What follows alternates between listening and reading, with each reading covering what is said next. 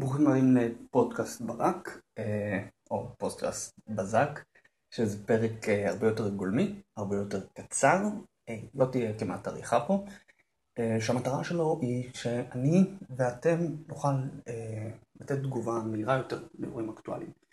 ואני מרגיש שאחד האירועים האקטואליים שבאמת צריך רגע לתת צעד אחורה ולחשוב על תגובה, זה הבחירה של דונלד טראמפ לנשיאות ארצות הברית.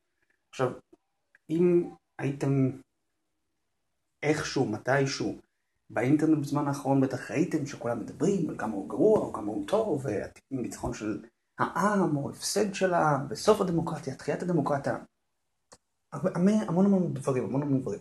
אבל יש נקודה אחת בממסד המדיני, במעגלים של חשיבה מדיניות חוץ, נקודה אחת שכל הזמן חוזרת, והיא אומרת שדונלד טראמפ מאיים על הגלובליזציה. דונלד טראמפ מאיים על המעמד של ארצות הברית ועל היכולת להביא יציבות בעולם. עכשיו, אני בשבוע הזה, ככל שמדברים על זה יותר, ככל שמדברים על זה יותר, אני חושב על זה, וזה יהיה הנושא שלנו לפרק, עכשיו אחרי שטראמפ נבחר, ואני רוצה רק להציג בפניכם את השאלה, כי כשכולם אומרים שדונלד טראמפ יכול לעצור את הגלובליזציה, יכול לפגוע בשכר הבינלאומי.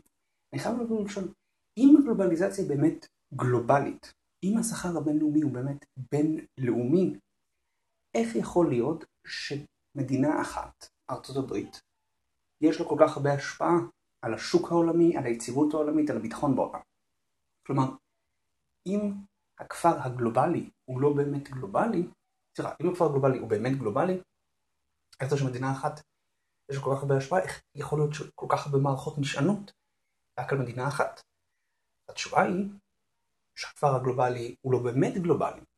כלומר, אנחנו חיים היום בתוצאות של אחרי המלחמה הקרה. כלומר, אנחנו עדיין חיים בעולם שהוא סוג של המשך של המלחמה הקרה. אנחנו חיים בתוך מערכות שהוקמו על ידי האמריקאים, מערכות שמנוהלות על ידי האמריקאים, ואנחנו עדיין סובלים מהעובדה שכל כך הרבה מוקדים בעולם תלויים באמריקאים. כן? כשאומרים שנשיא ארצות הברית בחוסר אמון שהוא נותן בנאטו מאיים על הביטחון באירופה, אנחנו בעצם אומרים שאירופה תלויה בארצות הברית.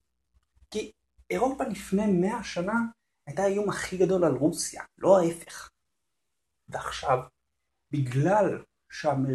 שהאמריקאים גרמו לאירופאים להיות תלויים בהם, בגלל שאירופאים העדיפו להוציא את התקציבים על רווחה מאשר על צבא, הם עכשיו תקועים בלי צבא אמריקאי שיחצוץ בינם ובין הרוסים. ועכשיו באה השאלה, עכשיו באה השאלה, ודונלד טראמפ, אני מקווה, אוקיי, וזה מה שאנחנו הולכים לדבר עליו, אני מקווה שהוא יביא את העולם סוף סוף לבוא ולשאול האם המערכת באמת גלובלית, ומה אנחנו יכולים לעשות כדי שהיא תהיה גלובלית. כי יש דבר טוב שיכול לקרות עכשיו, והוא שמדינות יחזרו לעצמאות שלהן. עכשיו, זה גם יכול להידרדר מאוד, כן? כשמדינות מקבלות את העצמאות שלהן, הן יכולות לצאת למלחמות, הן יכולות לעשות כל מיני הרפתקאות מאוד מאוד משוגעות, אבל גם יכולות להתחיל באמת לדבר. כי כשאתה צריך לעיין על הבית שלך, פתאום דברים מקבלים פרופורציות. כשאתה, כל מה שאתה צריך זה להתקשר לטלפון ב-20 אלף נחתים אמריקאים מגינים על הבית שלך, אז הערכה שלך לבית שלך והערכה שלך לאינטרסים שלך היא הרבה יותר שונה. כשזה התחת שלך על הקו, אתה חושב אחרת. ולכן אני חושב שהדיון שמתנהל מסביב לטראמפ במדיניות חוץ מפספס את הנקודה לחלוטין.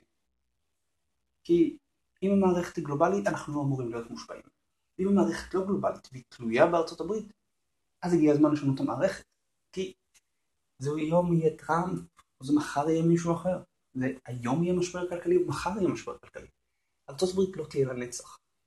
ואני מעדיף שההתפוררות של הסדר העולמי הישן והקמה של סדר חדש יקרה היום תחת יותר, נקרא לזה, פיקוח בתהליך יותר הדרגתי מאשר שזה יקרה בעוד מאה שנה בקטסטרופה. אז אלו כמה מהשאלות, אני מציע לכם לחשוב על זה, לדון על זה, אנחנו נביא גם נתונים, כשנדבר על זה בפרק היותר מורחב, ואני רוצה לאחל לכם שבוע טוב. השמיים לא נפלו, הם גם לא ייפלו, אה, ואנחנו נמשיך לעקוב במיוחד אחרי רוסיה וסין, והתגובה שלהם גם צבאית לבחירה של דונלד טראמפ לנשיאות. תודה רבה לכם, והמשך לראות מעניין.